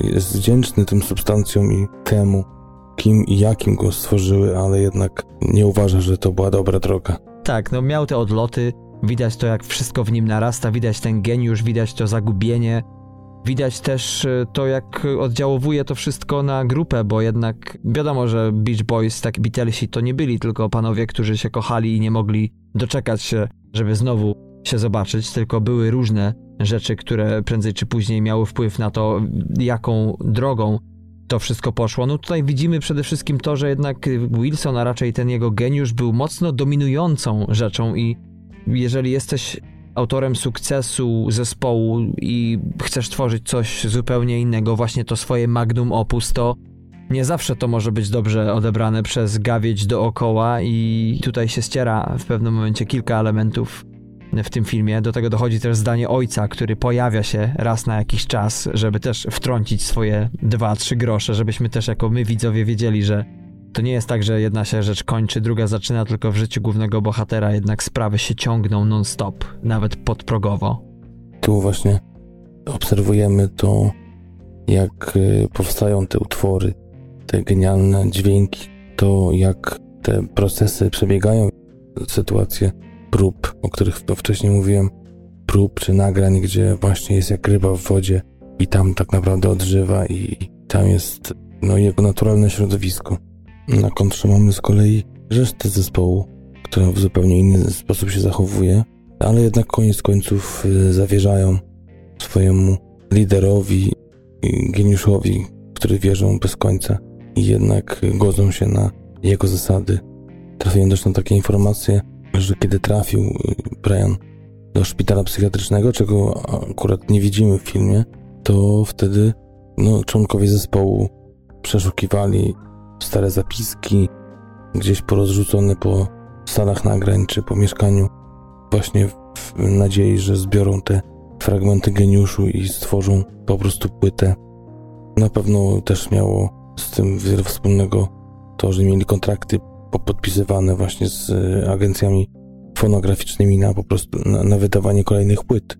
No widzisz, ja byłem zaskoczony tym, jaki efekt na Wilsona miało zażywanie psychodelików, bo raz, że podobno to, że na przykład niektórzy mówią, że jak raz weźmiesz LSD, to potem odkładać się to gdzieś w kręgosłupie, jak sobie strzelisz kręgosłup czy coś, to permanentnie zostaniesz wrzucony w ten świat psychodeli, że to jest w ogóle bubel przez antyfanów wytworzony do zbiorowej mentalności. Natomiast mówi się często o tym LSD, że to jest coś, co potrafi otworzyć drzwi ci na chwilę, żeby poczuć życie takie, jakie na co dzień jest nieosiągalne, a on widać, że no w tym filmie nie jest może nie widzimy non-stop znarkotyzowanego, to też jest moim zdaniem wielka rzecz, że jednak tutaj nie ma tego epatowania, że jednak jest więcej tej atmosfery tajemniczości. Właśnie jak to możliwe? Ile on musiał tego zażywać, nie? Czy brał to codziennie przed śniadaniem, wiesz, pływając po basenie? No, no właśnie nie widać za bardzo, w ogóle tak naprawdę nie widać w filmie tego, kiedy bierze, jak bierze, jak często. Ale wiadomo, że, że no, raz z biografii, a dwa z jego zachowania i też z późniejszych wywiadów, że jednak pojawiły się i to w dość sporych ilościach w jego życiu, właśnie tym młodzieńczym.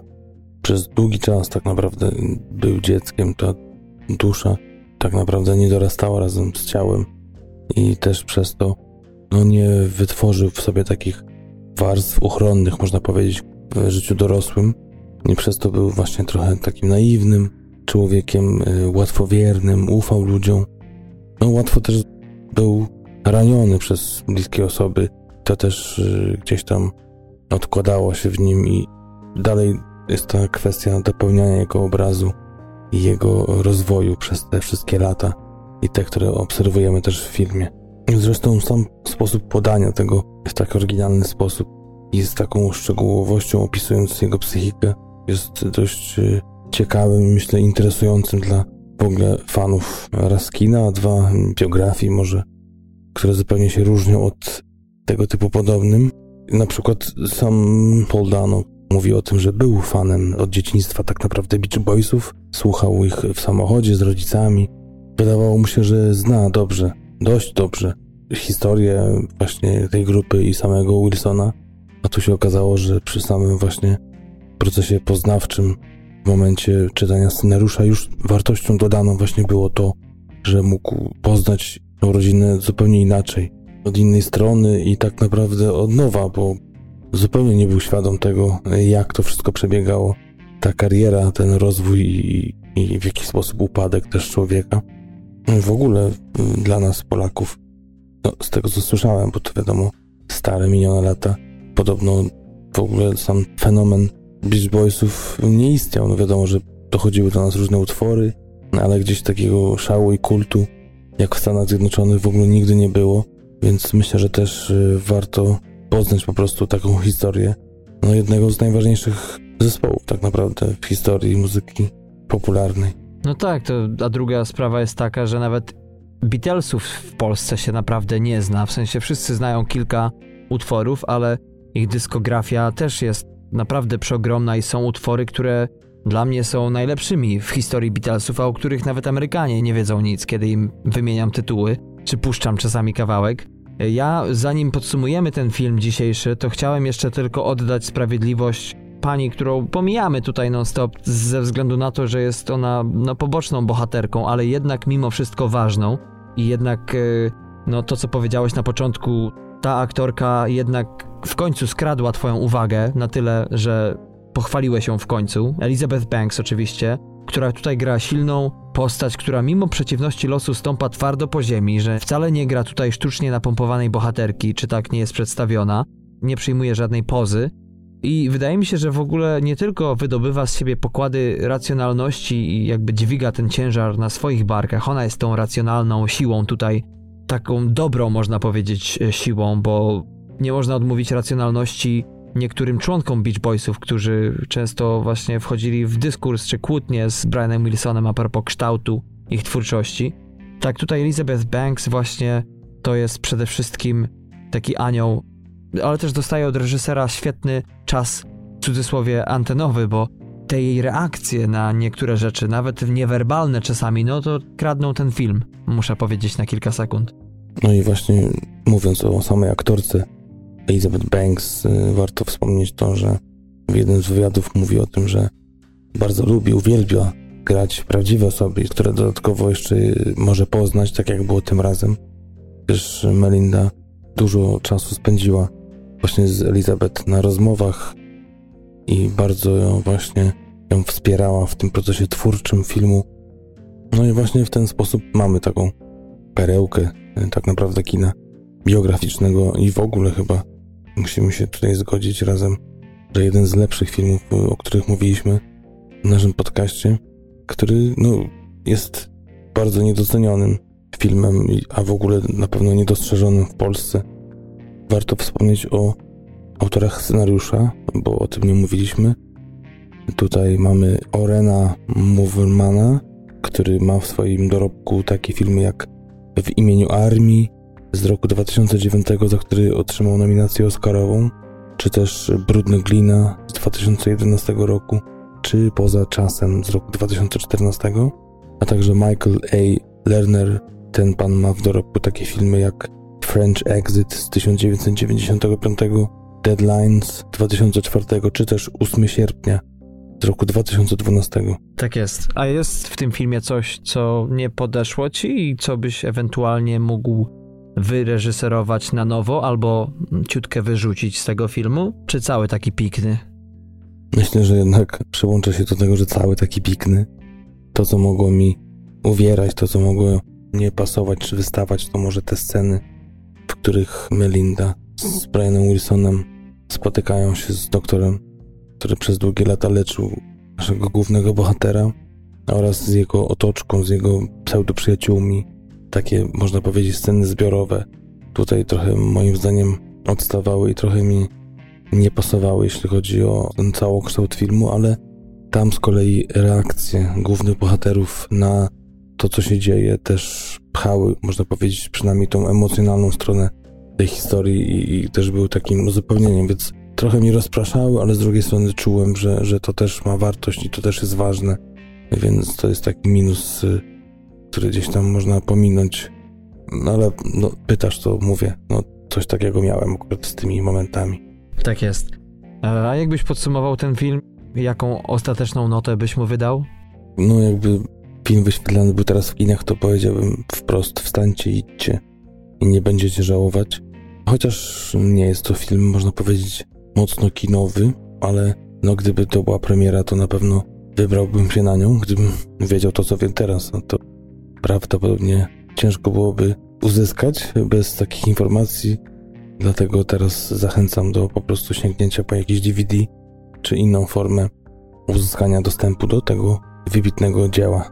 A jeszcze, żeby zachęcić, to powiem, że myślę, że warto zapoznać z biografią właśnie takiego genialnego twórcy, lidera zespołu, który też mocno odznaczył się w historii muzyki popularnej, rozrywkowej i który jest inspiracją tak naprawdę do dziś. I też y, myślę, niemałą rzeczą, niemałym podobieństwem jest i taką zachętą do tego filmu ten fakt, że w latach 60., tak samo jak właśnie grupa The Beatles, o której wspomnieliśmy wcześniej, grupy dwie w podobnym czasie po sukcesach pierwszych, takich można powiedzieć bardziej rozrywkowych, zaczęły eksperymentować z czymś bardziej mrocznym, może cięższym, z zupełnie nowym brzmieniem i myślę, że też y, biografię takiej podobnej grupy, tylko że ze Stanów Zjednoczonych, no warto poznać i może się nawet nią zachwycić i zacząć słuchać teraz po latach. Moja osobista ocena filmu według skali TMF-owskiej to 14 na 15. Gorąco polecam. Mam nadzieję, że się spodoba i wrócicie do nas e, z dobrym feedbackiem tak zwanym, czyli zacieszę. Za to trzymam kciuki. Widzisz. A ja przebiję jeszcze to, co powiedziałeś i powiem, że jakby grali ten film w środku lasu, to wstańcie rano i idźcie choćby lało, ale ja też daję 14 na 15 Uważam, że jeśli film muzyczny kojarzy wam się z przyjemną rozrywką i cukierkami w stylu już tego filmu, o którym obiecałem, że nigdy nie wymienię go z nazwy, to kompletnie się zawiedziecie i to w mocno pozytywnym tego słowa znaczeniu. I jest to... Jeszcze Darku, jeśli pozwolisz, y, wejdę na chwilę tak? Y, w słowo y, zakończenia i wcisnę jeszcze jeden news, czy raczej ciekawostkę a propos samej grupy. czy bardziej z kim byli powiązani w pewnym momencie. Mhm. W 68 roku zgłosił się do nich pewien młody twórca, początkujący i zapowiadający się naprawdę dobrze piosenkarz i autor tekstów, który się nazywał Charles Manson. Tak, dokładnie to jest ten Charlie, który potem dokonał tej sławetnej masakry rok później, która będzie przedmiotem najnowszego filmu Tarantino, który właśnie niedawno miał swoją premierę w Cannes, a w lipcu w Stanach Zjednoczonych, w Polsce w sierpniu będzie miał swoją premierę kinową. Właśnie ten oto człowiek, no przez dłuższy czas, było to ponoć kilka miesięcy, związany był przede wszystkim z Denisem, Wilsonem, bratem Briana i jego właśnie zapraszano do rezydencji. Wilsona tam udostępnione miał studio, gdzie nagrywał i też y, no, potem się nie udało, bo jak się okazało, Brian nie polubił Charlesa i koniec końców nie dołączył do Beach Boysów, no ale no, było bardzo blisko. A poza tym też jeden utwór z tego co kojarzę, ty chyba Darko wiesz więcej, został właśnie stworzony na podstawie tekstu Charlesa Mansona. To powiem jeszcze coś więcej. Tak, powstała piosenka, która jest oryginalnie przypisana Charlesowi Mansonowi w biografii Beach Boysów. Never Learned Not to Love w 68 roku, 2 grudnia została tego roku wydana. Natomiast a propos spotkania, jak doszło do tego Mansona z bratem Briana Wilsona, to tenże brat podróżował sobie przez Malibu w Kalifornii i podwiózł po prostu do domu dwie dziewczyny na stopa. No i drugiego dnia przy jego bramie, kiedy ten wrócił do domu, stał właśnie Charles Manson, bo okazało się, że te dwie kobiety podwiezione przez Denisa Wilsona to były członkinie jego haremu czy gangu, jakkolwiek to się nazywało.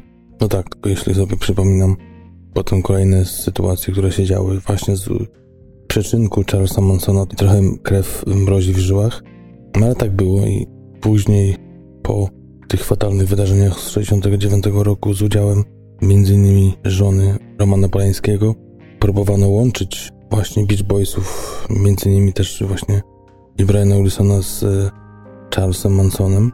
Też przesłuchiwano grupę, no ale nic nie wyszło z tego, jakby to nie miało wpływu na ich twórczość w ogóle na opinię o nich. A sami Beach Boysi w swojej karierze stworzyli ponad 20 hitów, które no, rządziły na parkietach, rządziły w rozgłośniach radiowych. Także takim, myślę, pozytywnym akcentem kończymy rozważania na ten temat właśnie biografii i samego zespołu Beach Boys i Briana Wilsona. Tak jest, kochani, biografia muzyczna Love and Mercy w reżyserii Billa Polada, czyli tak naprawdę przepiękna mieszanka melancholii z najczystszym popem z lat 60., która trwa 121 minut. To po prostu pozycja obowiązkowa i tak jak Patryk powiedział, tak do tego też się przyłączam. Jeden z najlepszych filmów, jakie kiedykolwiek w tym podcaście zrobiliśmy. Moim i twoim, czyli naszym skromnym zdaniem. I to by było na tyle, jeśli chodzi o ten dzisiejszy film. Patryku, co ty teraz planujesz? Teraz wyjdzie chyba być może mój bonus. Zobaczymy, kiedy mi się to uda wszystko wycisnąć z tej serialowej cytryny. A ty planujesz już, e, tak jak wspomniałeś, swoją połówkę i to będzie ten następny, na pewno zaplanowany na za tydzień odcinek. Tak, masz rację. Serial już wybrany, opracowany można powiedzieć, notatki prawie gotowe, jeszcze tylko została pełnometrażówka, ale to też mam już upatrzony kąsek, także tak, w przyszłym tygodniu najprawdopodobniej moja właśnie połówka już nie islandzka, a europejska i na to serdecznie zapraszam. Czyli będzie 38,5 Zielona Góra. Tak jest. Myślę, że na 110% będzie to odcinek zielonogórski. No i oczywiście najważniejsze informacje na koniec z dziennikarskiej przyzwoitości i dokładności trzeba podać nasze strony, gdzie nas spotkać, gdzie z nami rozmawiać, gdzie nas słuchać, oglądać i być in touch z TMF-em, czyli z transkontynentalnym magazynem filmowym, facebook.com łamane na TMF Podcast, TMF Podcast pisane razem na Instagramie, z kolei na Twitterze to jest TMF podkreślnik dolny podcast i nasza strona domowa oczywiście tmfpodcast.com. Oprócz tego niezliczona ilość aplikacji podcastowych Lekton, Spotify, również na YouTubie i też na SoundCloudzie. Tak jest. Dziękujemy serdecznie, kochani, za uwagę, za to, że jesteście. Polecajcie nas, będziemy się kłaniać Wam miło i w pas. I to tyle na 38. pełny odcinek transkontynentalnego magazynu filmowego. Trzymajcie się ciepło. Pa.